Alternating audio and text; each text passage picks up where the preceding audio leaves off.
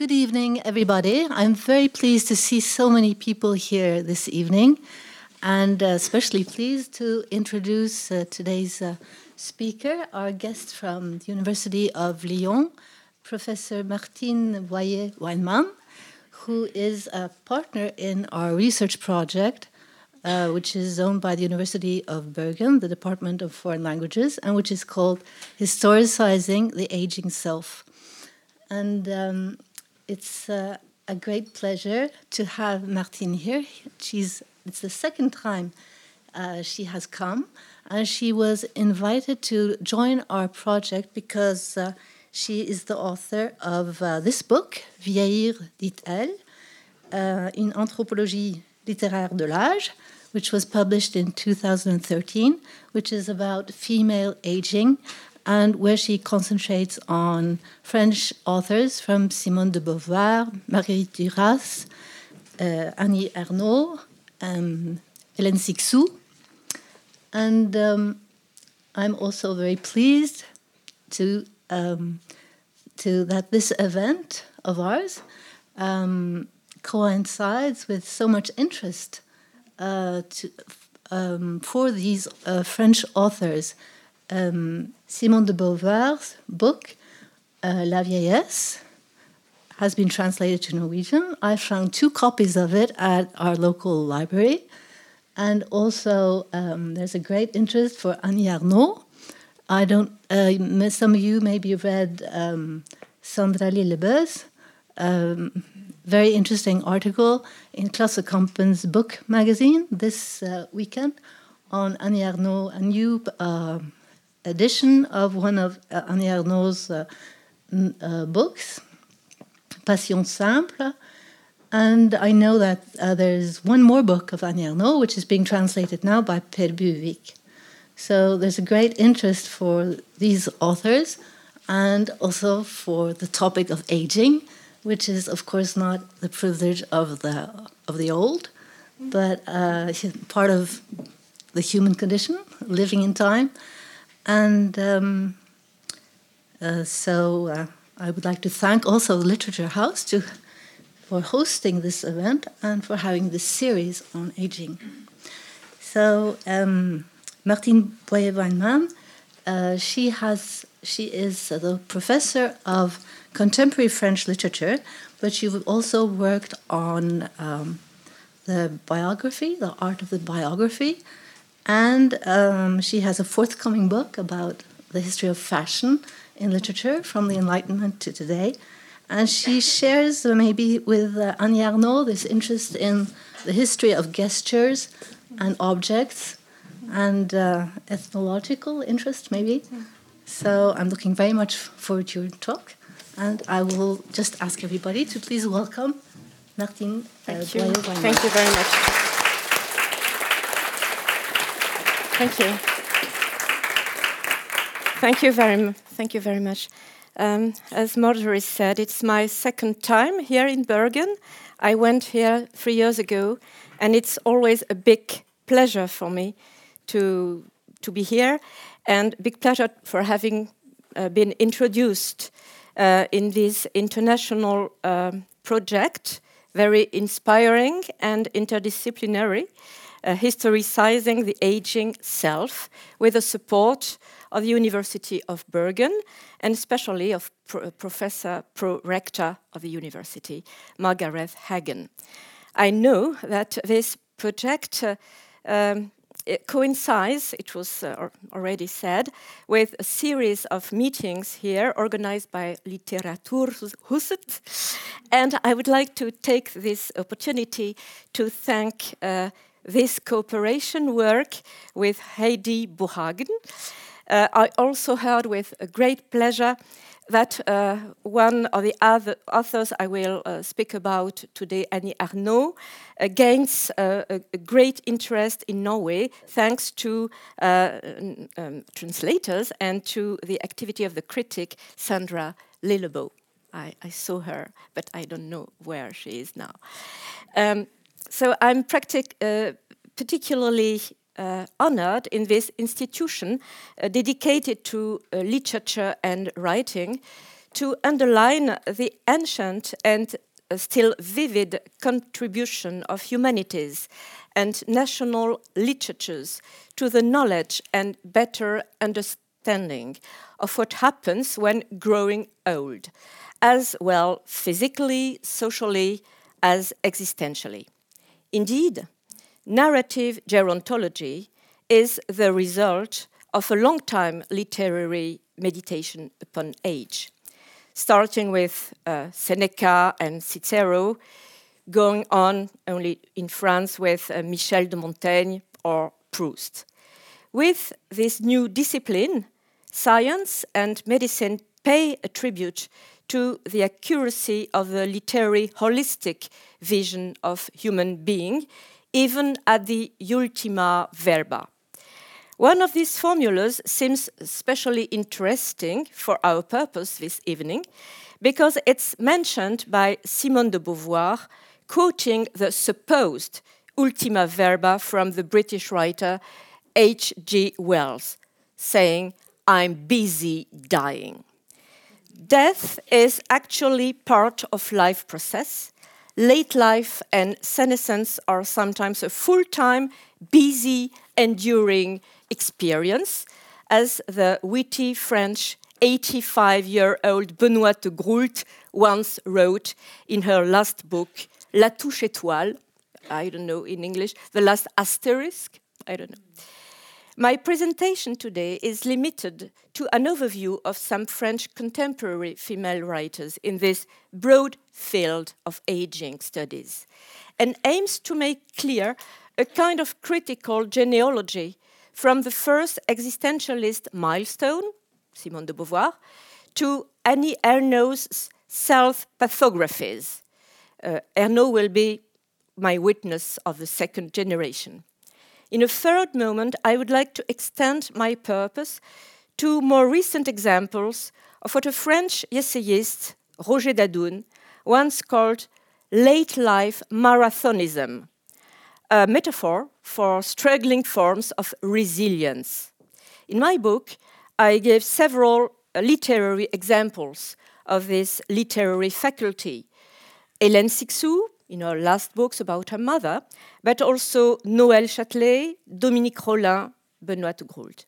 But today, I would like to present some more recent female uh, works focusing on female writers and the daughter mother relationship in their experience of aging or co aging, I would like to address some issues like the link between feminism and aging consciousness, the intertwine of political, ethical, social, psychological concerns in the narratives of Beauvoir, Ernaux especially, and the historical experiencing of old age for trauma survivors.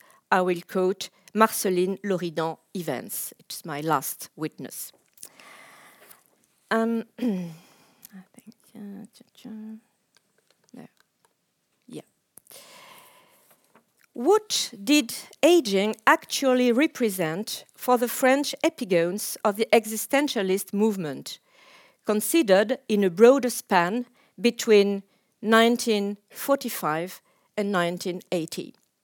To what extent is it legitimate, when addressing old age issues, to range three prominent figures of the philosophical generation before and after World War II Jean Paul Sartre, André Gorz, Simone de Beauvoir, under a single common banner? the matter is more complex than it seems. Uh, my first example will be the example of uh, it's the least well known, the least known uh, uh example, existentialist, is André Gorz, a Franco Austrian philosopher. Um, he wrote a short treatise uh, called Le vieillissement, Growing Old, which was first published in Les Temps Modernes in the review in 1961, but also at the end of his life, uh, he, he, died 2007. Uh, he committed a, a, suicide in common with uh, his beloved uh, wife, and he wrote a very, uh, very uh, uh, emotional uh, essay, which is called Letter to D. It is an extract from this Letter to D that you have on the PowerPoint. It's the next, sorry, on the next one. Yeah, sorry. Uh, it is an extract of this Letter to D, uh, love story. So, André Gorz. Uh, published his first uh, book in 1968 and 61, and um, he considers that aging only consists in a sudden self perception of estrangement provoked by the outside world and the social other, which leads to discredit and invisibility. According to him, the feeling of rejection or disqualification may occur very early in one's life, one's uh, professional life, long before or independently from an actual dismissal. Gorz's uh, anonymous male sociotypes, either a manual worker, a low level employee, or an intellectual, all experience their new senior ethos as a no longer, the interruption of a life process. At the age of 36, in the middle of the 20th century, the subject's uh, field of possibilities shrinks dramatically. The self accepts the law of renouncement and diminished wisdom. No, it's not. On the other side, Sorry. Mm.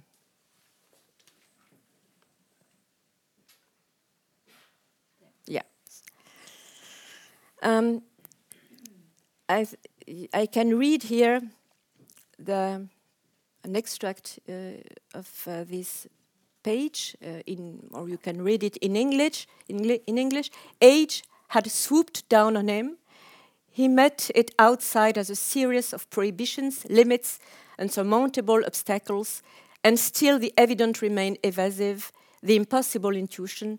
Nowhere in him there was age, no more than uh, there was evidence that he would uh, die one day uh, most important are the two last sentences. Both aging and finitude were at the same time omnipresent realities coming from every social direction and perfectly impenetrable for the intelligence. Scandalous.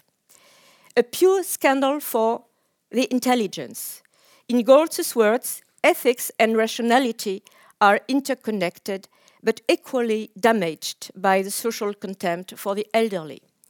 As a pioneer of sociological studies about aging, André Gorz also draws the practical and political lesson from Sartre's more ontological theory of death and decline, uh, which Sartre analyzed as two irrealizables, two extremities of life unthinkable by the self. Nous n'avons pas d'âge pour nous-mêmes. We have no age for ourselves, says Gorz in the same article, echoing his philosophical brother Sartre. Nevertheless, to our contemporary understanding, this last sentence sounds strangely ambivalent for phenomenological as well as for gender focused or historical reasons.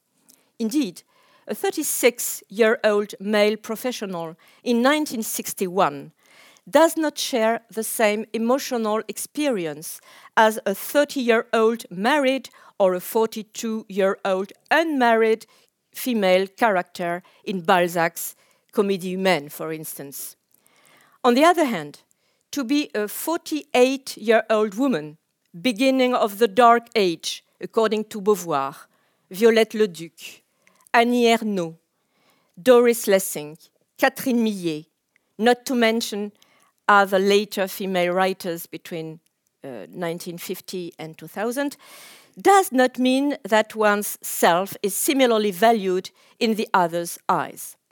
Thus, Gorz's assumption, no age for the self, could paradoxically lead to optimistic or pessimistic interpretations, framed by an existentialist, psychoanalytical, and more generally philosophical discourse. To what extent is the inner aging self determined by the other's discourse? To what extent, um, by, by, the other's uh, injunction to sameness? Uh, consequently, how, under a gender neutral or differentialist perspective, do we deal with our freedom in the construction of ourselves when this project is extended to late life? Last but not least, can philosophy, creative life, and narrative autobiographical writing efficiently help a modern self address the scandal of human finitude? Is it possible while ignoring social, gender, and political issues or biases? Beauvoir's contributions to the rethinking of old age in the second half of the 20th century was precisely expected at this anthropological crossroads because of the supposed combination of her specific abilities. As the scandalous author of The Second Sex best selling manifesto, as a celebrated novelist of the ideological post war conflicts in the Mandarin, Mandarins, as a major, uh, then senescent memorialist. Um, Beauvoir holds a special iconic status. As far as international standards in aging studies are concerned, she embodies the main French literary milestone of this transitional moment between traditional humanism and the advent of literary gerontology and care narratives. But, as we well know, Beauvoir's reflection upon age cannot be reduced to her second most famous essay, The Coming of Age, a euphemistic translation for old age, published in 1970 when she was 62, after she had uneasily survived the turbulent ideological, sexual, and political crisis of 1968. Neither is it reducible to a hungry, report of her old mother's lethal disease, medical mishandling, and painful death. A very easy death is a short narrative written in a very sharp style uh, as a pamphlet against the absence of ethics and care of the institutional care system. The question of age arose much sooner in Beauvoir's younger life, as her recently published diaries testify. Her diaries of youth were published 2008. The female subject who expresses her tedium vitae in sour, complaining, and contradictory thoughts. I'm old, I've lived a merely intellectual life. I had created a God in myself, but now I know that by heart. This existence is insipid. I'm tired of being strong, oh, so tired. This woman is not yet 20 years old. Therefore, reading these diaries of youth today should encourage the researchers on aging to investigate with more caution Beauvoir's mapping and shaping of a room for gender specific notations in her essay, The Coming of Age. Just two years before the publication of Beauvoir's Cahiers de Jeunesse, uh, Diaries of Youth, the American literary researcher Oliver Davis had already pointed out a couple of characteristics which invite us to emphasize a relative independence from her male existentialist colleagues Sartre and Gorz. Uh, quote, Although Beauvoir mentions in a footnote uh, to La Force des Choses, a part of her memoir, memoirs, that she had read Gorz's essay, curiously, she makes no reference to it in uh, The Coming of Age. End of quote. Is this silence a sign of empathy or of distanciation? Uh, and the acknowledgement of a debt or a critic? Probably both.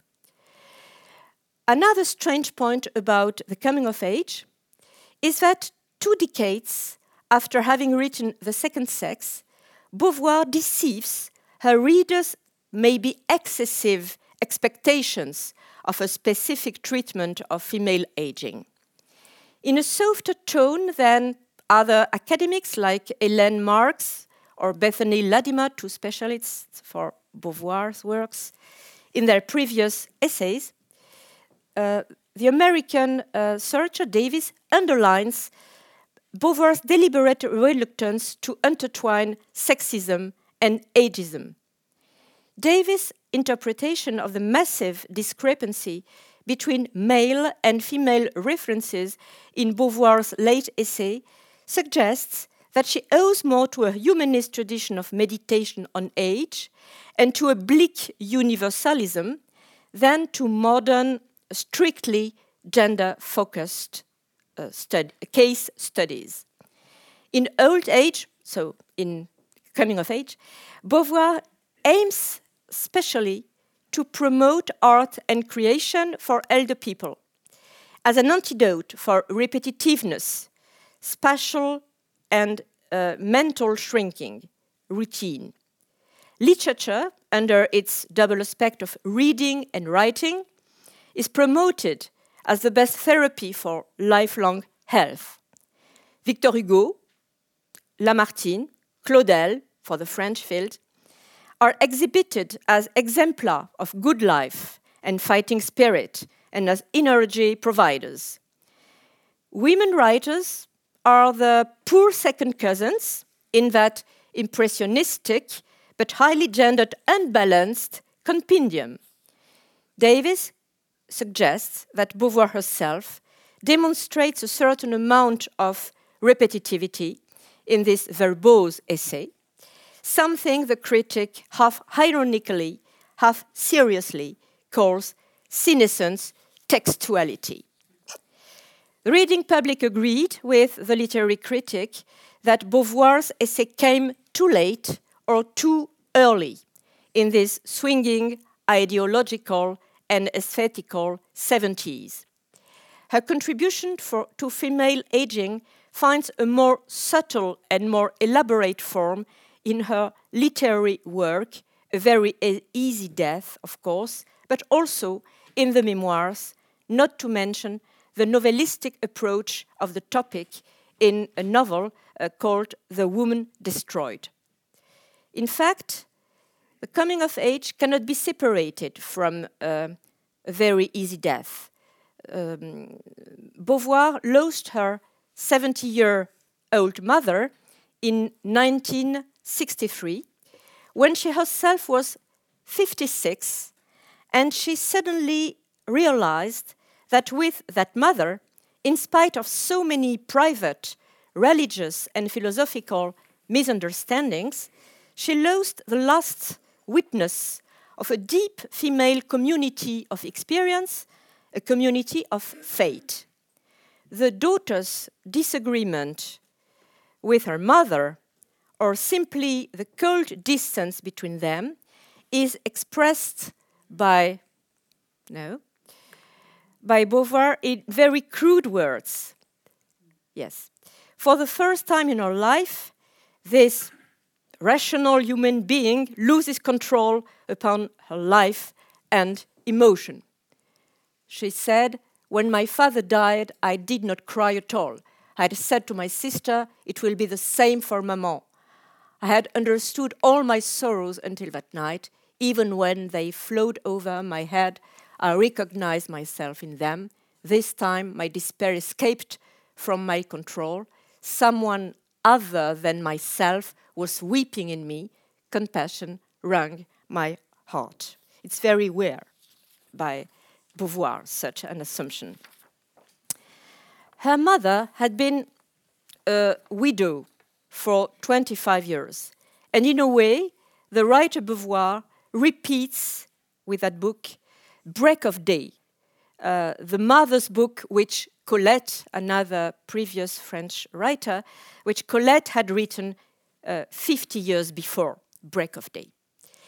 The mother's book becomes a topos in women's literature, a subgenre of the family narrative or autobiography.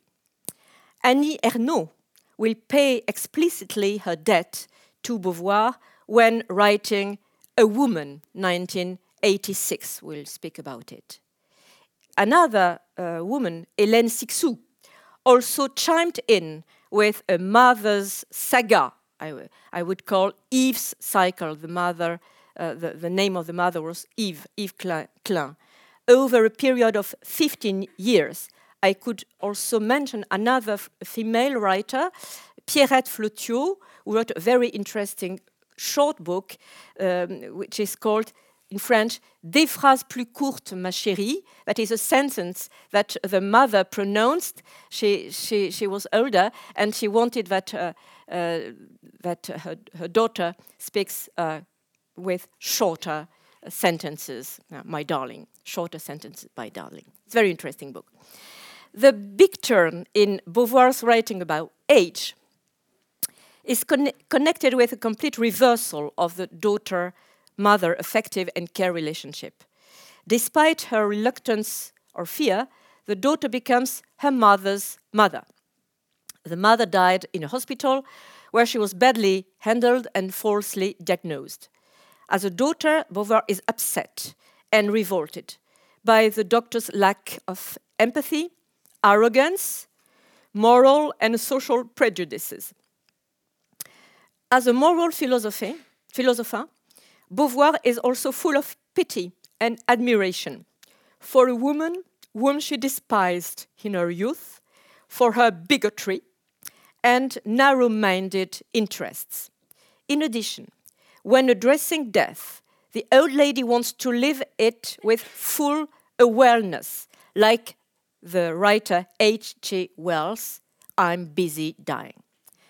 The once prudish Françoise de Beauvoir, the mother, now accepts the idea, yeah, yeah, the idea that she has a body and comments on her nakedness, a vision which causes her daughter a terrible shock. And you have the translation here in Norwegian. I can read it in French a little bit, but. Uh, sa chemise de nuit ouverte, celle-ci exhibait avec indifférence son ventre froissé, plissé de rides minuscules et son pubis chauve. Je n'ai plus aucune pudeur, a-t-elle dit d'un air surpris. Tu as bien raison, lui dis-je, mais je me détournai et je m'absorbais dans la contemplation du jardin. Voir le sexe de ma mère, ça m'avait fait un choc. Aucun corps n'existait moins pour moi, n'existait davantage. The two last sentences are the, the most important ones. And the, the idea of uh, the, naked body uh, the naked sex of the mother is something that comes again in Ernaux's book. She repeats exactly the same vision of the uh, naked pubis of uh, her mother. Beauvoir is impressed by her mother's resilience, and quite in extremis, the writer begins a mental reconstruction of her mother's life story. All that the busy Simone missed because of her intellectual contempt. All the tiny, unseen changes in her everyday life. How she managed to find a job after her husband's death. Simone de Beauvoir, a keen reader of Virginia Woolf, discovers, but too late, how the old Mother Francoise, in a discreet, silent way, happened to build a room of her own. The narrative expresses feelings of remorse, guilt, and empathy, mixed with cold anger against brutal inquiries, intrusive demands of, from the doctors, and most of all, the doctors' lies. Doctors want to gloss over the mother's real disease. She has a cancer. In, in the 60s, it was a taboo word, with unauthentic words and gestures what Beauvoir, using her traditional existentialist vocabulary, calls a mystification. But at the same time, doctors embody a caricatural version of a modern technical performance or prowess. instead of showing an interest in what the old patient utters, feels, or requires with her pain, they only believe in pseudo scientific protocols and drugs. The climax of Beauvoir's denunciation of medical power and blind technostructure is reached when she tries to obtain morphine for her suffering mother. The icy dialogue between the helping daughter and the moralizing uh, daughter and the moralizing doctor is one of the new uh, narrative strategies explored by uh, Beauvoir in this book in order to expose the dryness of the heart and behavior guided by Sartrean mauvaise foi. The last pa pages of the narrative bridge, uh, bridge the personal, yeah, I think, personal uh, biographical level and the universal or transpersonal level from empathy to pamphlet, from confession to admonition. I think you have the translation in Norwegian. I will read it.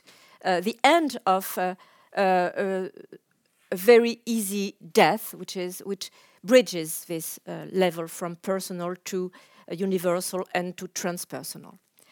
Il a bien l'âge de mourir. Tristesse des vieillards, leur exil.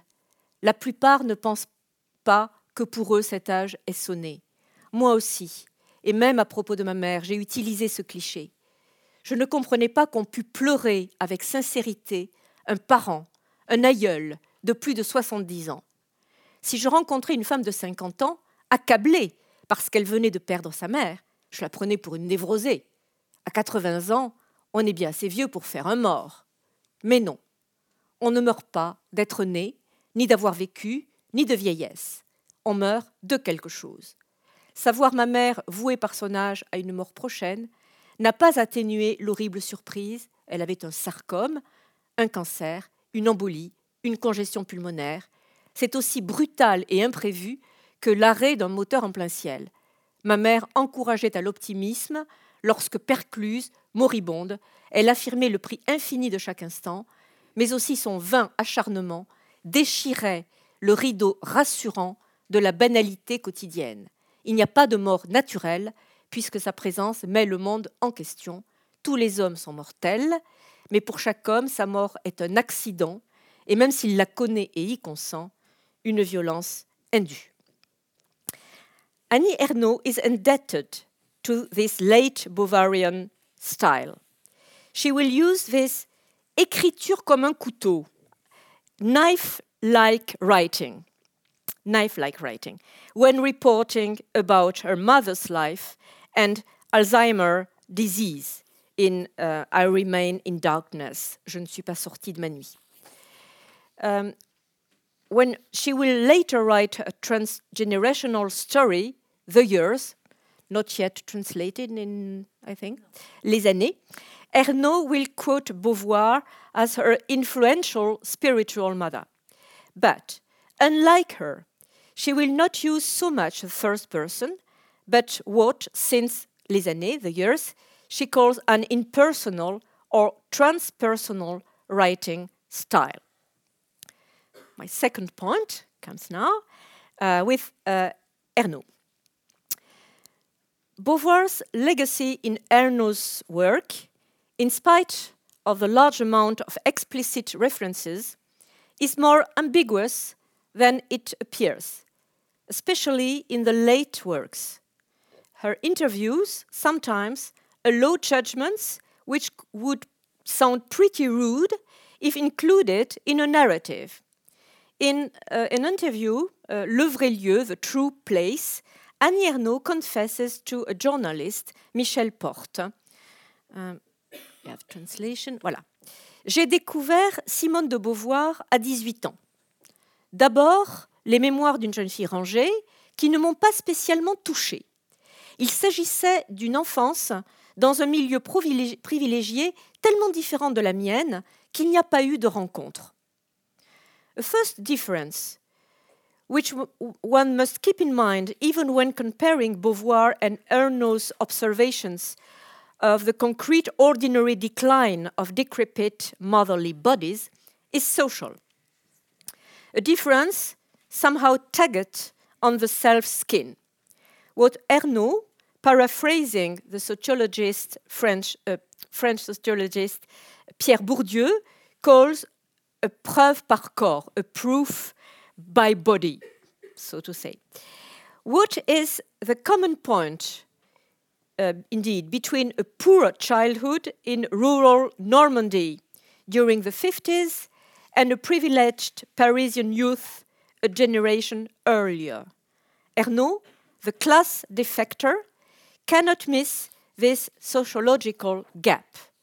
A second difference, noticed by French uh, scholar, Marie-Laure Rossi, is that Ernaux chooses to assume an ethos which is uh, civically impliqué, I will try to explain this word, rather than politically engagé.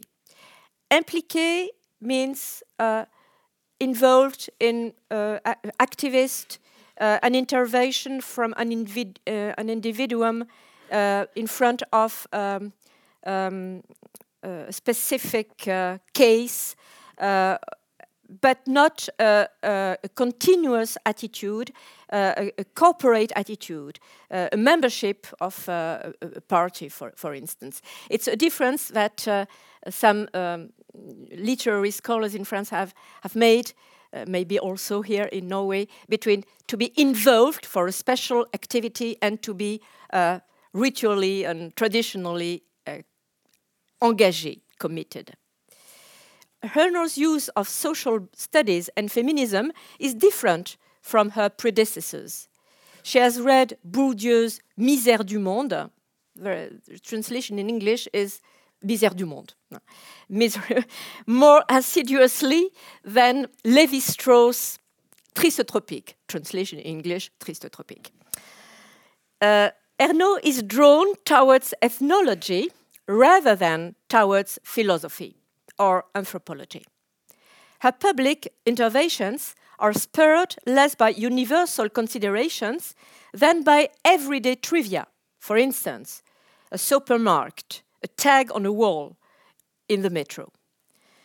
A noteworthy exception is a more conventional appeal to literary moral virtues against a very, con very controversial book from Richard Millet, which has something to do with Norway, a book called Éloge littéraire d'Anders Breivik, a book that this controversial French novelist wrote 2012. In that case, Ernaux was not only an implicated uh, writer, but also an, an auteur engagé, uh, according to the traditional forms, publishing critics in Le Monde, for instance, in such uh, newspapers.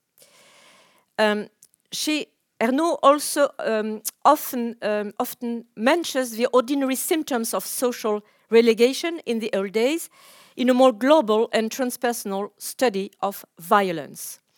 As a preferred form of intervention, she chooses the dialogue with other impliqué intellectuals. I would quote um, uh, writers like Didier Eribon. Uh, I think he was invited in Litteraturhuset Oslo, I heard. Literat uh, Didier Eribon in Heim till Reims, returning to Reims. Uh, and a French intellectual called uh, Marielle Macé in a book about migrations, Sidéré Considéré, a novelist, a French female novelist called Maylis de Kerangal. Uh, Ernaux is more impliqué in the debate with academics. She uh, very she is uh, the guest of many semi-academic seminars in Cerisy-la-Salle, for, for instance, in France. Uh, so, obviously, when it comes to sexism and aging, her indebtedness to Beauvoir's The Second Sex and the Coming of Age is manifest and articulated. But it prevailed more during her youth and her formative years than later in the years, for instance. Um, quickly, uh, in the years, uh, uh, quickly distanced herself from ideas formulated in too abstract a manner, removed from one's own experience of life. Her pattern, her literary signature, has something to do with the so called écriture plate, uh, flat writing, which is never so acute as when connected to the clinical examination of the self. In Passion Simple, uh, but most of all in the use of photography, not yet translated, I think, when aging and illness are at stake. Uh, um, in, in this book, uh, The Use of Photography, Ernaux converts her nightlife blunt style into a strategic instrument of survey, pathography, and autopathography. In the use of photography, for instance, pictures, a, a book written um, in uh, 2005 after um, uh, cancer, during during uh, the disease, uh, cancer she had, and she wrote this book uh, with a younger lover who was who was a, um, a professional photographer. They it was a, a collaborative work. Uh, he took he and she took alternately pictures and wrote text among the pictures uh, in in that book. It is a very experimental book uh, and collaborative book about disease and about olding.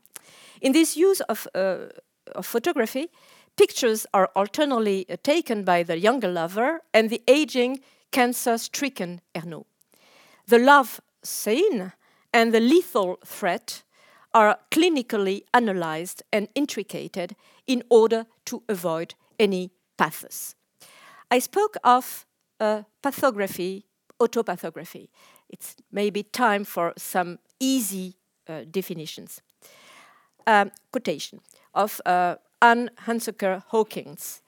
I call pathography a form of autobiography or biography that describes personal experiences of illness, treatment, and sometimes death. Another author, French one, Stéphane Grisi, completes this definition by explaining I call an autopathography any autobiographical text in which the writer centrally or in an oblique way mentions facts, ideas, or feelings in relation with his own disease. Yet, another definition had been formulated by the French anthropologist François Laplantine, who suggests a tripartition according to the grammatical persons. He distinguishes pathography in the first person, and for him, it's, for instance, a patient's notebook, a diary. Pathography in the second person, when a relative writes a narrative about the aging or the illness of someone else, as it is the case for Beauvoir, Beauvoir's a very easy death. It would fulfill this criteria of pathography in second person. And third, uh, third case, pathography in the third person, when a doctor or an institution reports scientifically about a patient case. What about Annie Ernaux? Ernaux uses the diary form to report upon her mother's Alzheimer's uh, syndrome and pathology during the year 1985 under a title which is the last sentence written by her mother in an advanced stage of her dementia. In French, Je ne suis pas sorti de ma nuit, I remain in darkness. As the result of a clever attribution, the title of, of the book, Je ne suis pas sorti de ma nuit, transforms the mother into the real author of the diary and the daughter into the ghost writer. The ambiguous diary, in first and second person, according to Laplantine's categories, starts with uh, the mother, um, the mother moving to her daughter's home, and the daughter uses here it as a chronicle of her little changes and inexorable decline. Uh, you have uh, the text in English. While she was still living with me, I began jotting down on small und undated scraps of paper the things she said or did, or did that filled me with terror. I could not bear to see my own mother slip into such a state of decline. She writes uh, very quickly uh, with a sense of urgency. Uh, I, I, I, go to see her je suis, uh, I am still young. I, I will have uh, other love affairs. within 10 or 15 years, I, I, will come and I will be, I will be old myself. Or she is the time for me. She, um, she's pushing me towards death as well. She is my old age, and uh, I can feel within myself the threat of her body's degradation, the wrinkles on her legs, a creased neck. Okay, that's it. Um, at this point of the book, the analogies with Beauvoir's notations above a dying mother are remarkable. But I Remain in Darkness actually oscillates between two other genres the ambiguous factual notebook and the biography. In 1988, two years after Ernaux's mother's death, death which occurred eight days uh, before Beauvoir's death. It is written in the book. Uh, this second biographical impulse takes an autonomous route and is given the simple title of A Woman, another book, a, biograph a biograph biographical book. The initial diary constitutes a kind of avant text for the biographical record. The preface states that Ernaux originally did not want to publish this diary for ethical reasons. But 10 years after writing it, she was finally able to accept its publication. Thus, the private family archive achieves the new status of a testimony a commented documentary about a transpersonal destiny. For a long time, I didn't think I would ever publish it. I rendered them just as they were written in the astonishment and distress I then felt.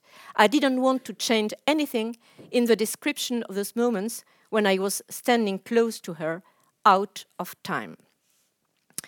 A Woman is a book of mourning, of mourning, the counterpart to the pathographical diary. In the, year, in the years published 2008, Annie Ernaux takes a methodolo methodological step further in her ri writing process after a long period of preparation and collecting material.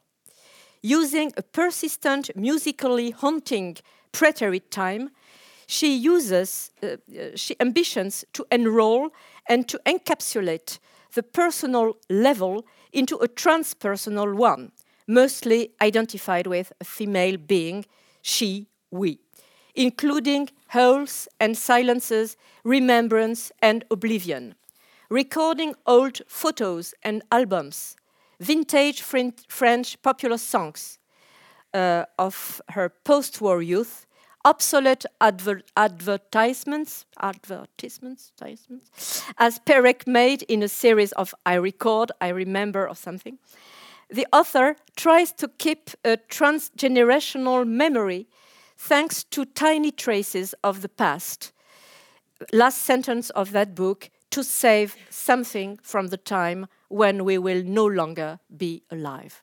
Tomorrow at the university, we will have a, a, course about uh, a lesson about uh, the years. We'll speak. If there are students here, we'll speak about this sentence. Simultaneously with Ernaux, Ernaux another important female writer, Hélène Cixous, includes her mother's cycle into a greater transgenerational reflection about aging in history, oblivion, salvation, and a meditation about the help of literature to survive traumatic experiences like trauma, Algerian war, and so on. When the times are close to the end, Cixous speaks of the ultimate times, whatever the reason is, disease, experiencing the fourth age, one question arises regard, regarding how to spend cleverly what remains of life.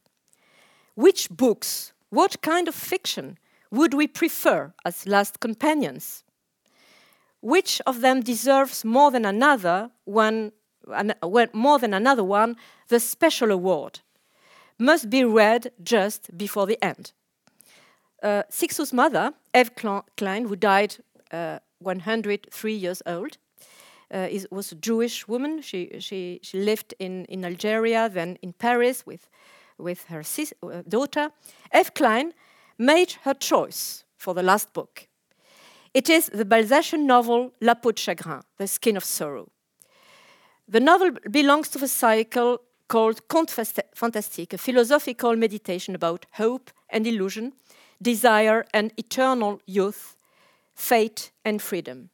And by a very strange coincidence, it happens that Sigmund Freud's la last fictional reading experience was The Skin of Sorrow. The anecdote is told in Freud's, Freud's correspondence and selected by Hélène Cixous for its metaphorical interest. Everything is in the end. It's a quote. Uh, it's a quote of the book Eve Escapes from Cixous. Everything is in the end. The end is always in the books. What we cannot see, the books know it. They keep the secret. Everything is written. We read them. They tell us everything, but we do not, we do not hear them. The books read us, and they hear what we are thinking behind our thoughts. The book which has chosen Freud to finish the year 1939, is La peau de chagrin, a book which has the characteristic to be forgotten as soon as read, a little like a dream. I come to my last step fighting spirit and marathonism aging with two special authors, uh, Françoise Héritier and Marceline Joris Ivens. Maybe you don't know these names, but I chose, I, have chosen to speak about them because there are not so many papers about them, neither in France or. In the last couple of years, 2016 2018, several remarkable female autobiographical writings about old age have been published in France.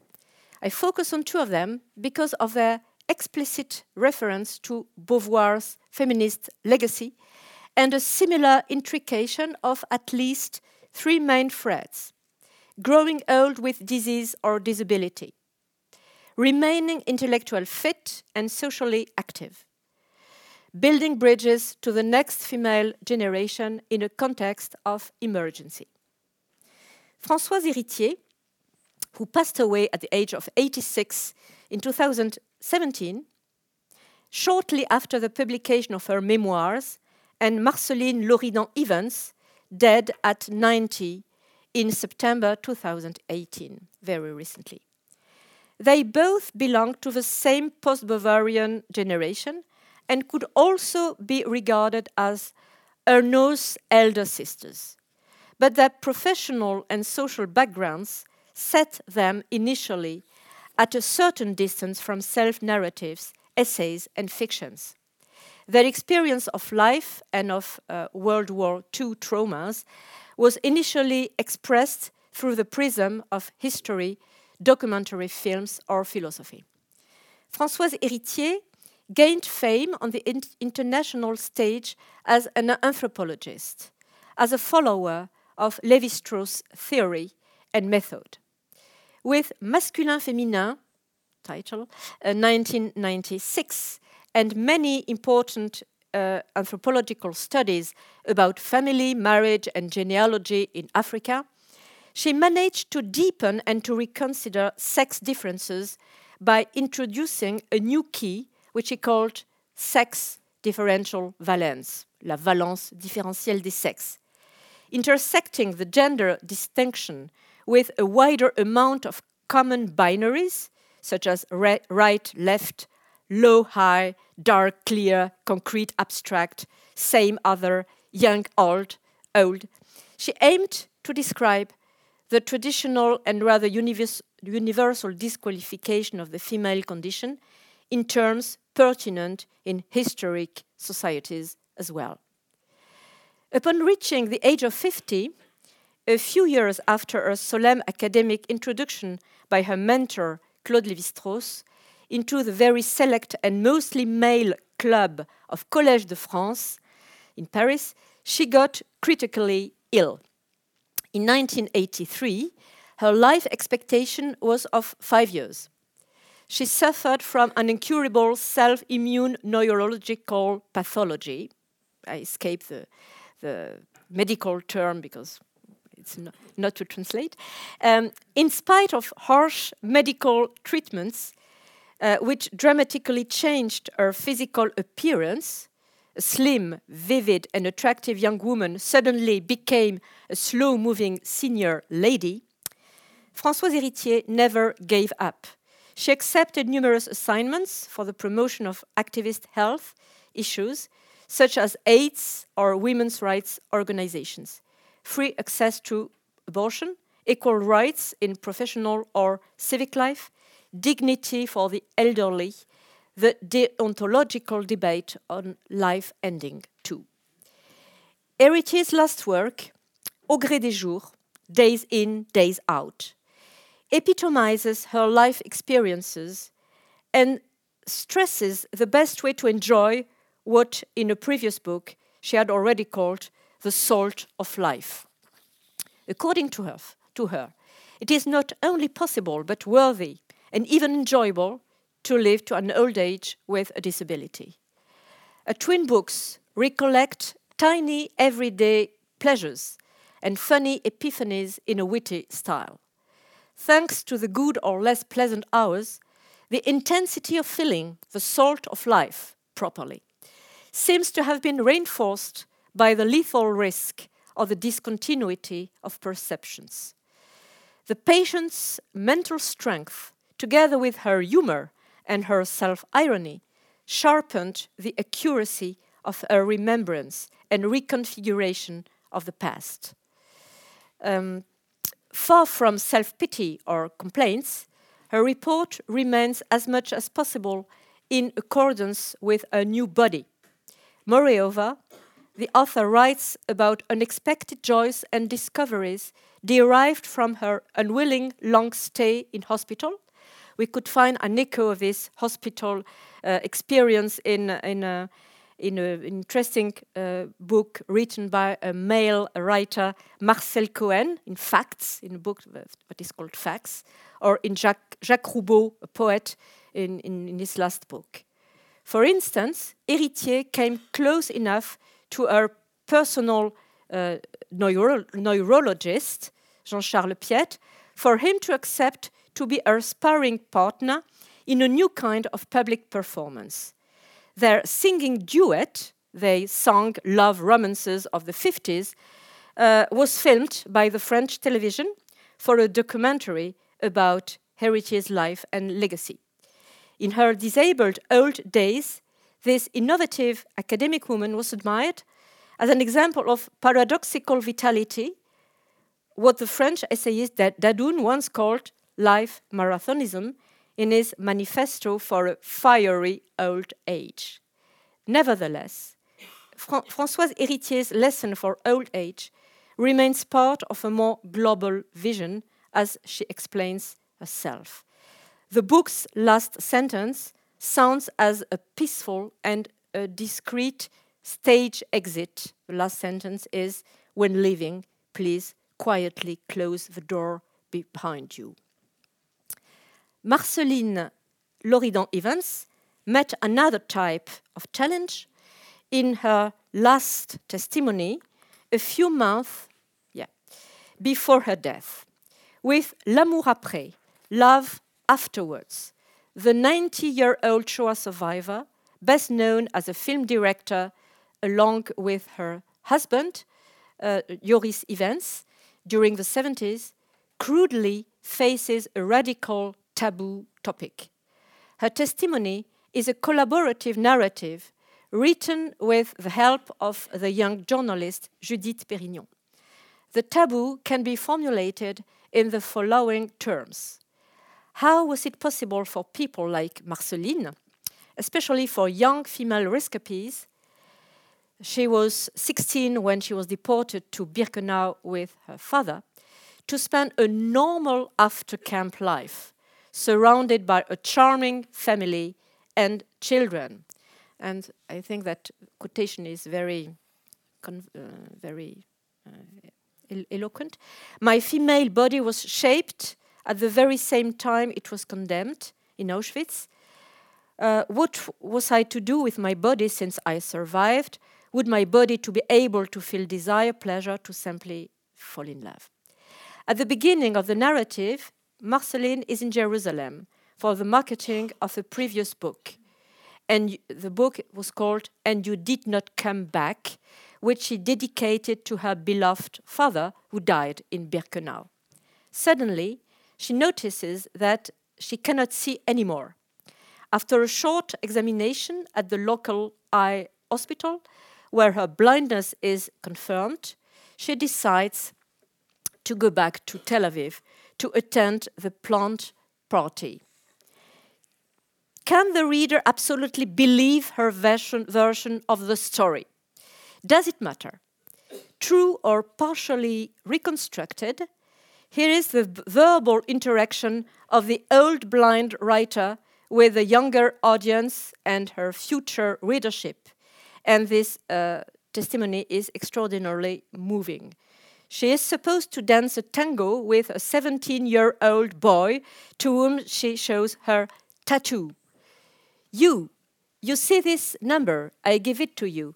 I have no children. I'm going to die soon, but I don't want that story to die with me. Take this number and write it on your arm. We stopped dancing. A young woman passed by. By touching her clothes, I guessed she was well dressed, rather elegant. Do you accept my number two? I cannot give it only to a boy. I am a woman. I need to give it to a woman. The girl came back with a piece of paper. I wrote the number the best I could, and I drew half a star of David, David the way the Nazis tattooed it. What did the young people do with my number afterwards? I don't know. It was Shabbat time. I kept on dancing in darkness, sick with sorrow, sick with myself. I am a daughter of Birkenau, or I don't know how to translate a daughter or a girl, a girl. It's a song, a special song, girl, uh, from Birkenau. And you will not get rid of me. Um, I'm close to the end. um, as a conclusion, I would like to mention uh, somebody else, uh, Lévi-Strauss. We spoke about him uh, a little. Uh, it was Lévi-Strauss' last uh, speech for his 19th birthday in Collège de France. He refers to Montaigne and I have to mention that, as you see, Claude Lévi-Strauss uh, died at 101 year old, so he survived this this birthday, and I think it's a very nice uh, uh, use of uh, Montaigne and a continuation of humanism in modern times. Um, in this advanced age, which I never thought I would reach, this is one of my life's biggest surprises. I feel like a broken hologram. This hologram no longer possesses its entire unity, but still, as with all holograms, each remaining part retains an image of a direct representation of the whole. Consequently, for me, there is today one real me who is no more than the quarter of half of a man. It is uh, the quotation of Montaigne in the essays. Uh, an old man is only a quarter of, uh, or half of a man, who is no more than the quarter or half of a man, and a virtual me who still retains a vivid idea of the whole. The virtual self drafts uh, a book project, starts organizing the chapters, and tells the real self, it's your job to continue. And the real self who cannot go on tells the virtual self, You are the only one who sees the totality. Today, my life goes on in this very strange dialogue. So I wanted to close with uh, these last words of somebody who, who lived 10 more years and in this strange dialogue that estrangement is experience of old age, uh, but it can start very, very soon, as we heard with uh, Simone de Beauvoir at 20 years old. She was never so uh, old uh, than uh, with uh, 20 years old. Same experience with Duras in, at the beginning of a novel, The Lover. she says, "I'm old. I'm so my my my face is destroyed, and so on and so on." So now there is maybe, if you if you want, some time open for uh, some questions or some remarks, some uh, some contradiction. Um, with my apologize to have sometimes uh, uh spoken very badly or uh, too quickly or too academically. So you have full time to to to speak and to to to to to make me learn also your experience of aging or aging studies.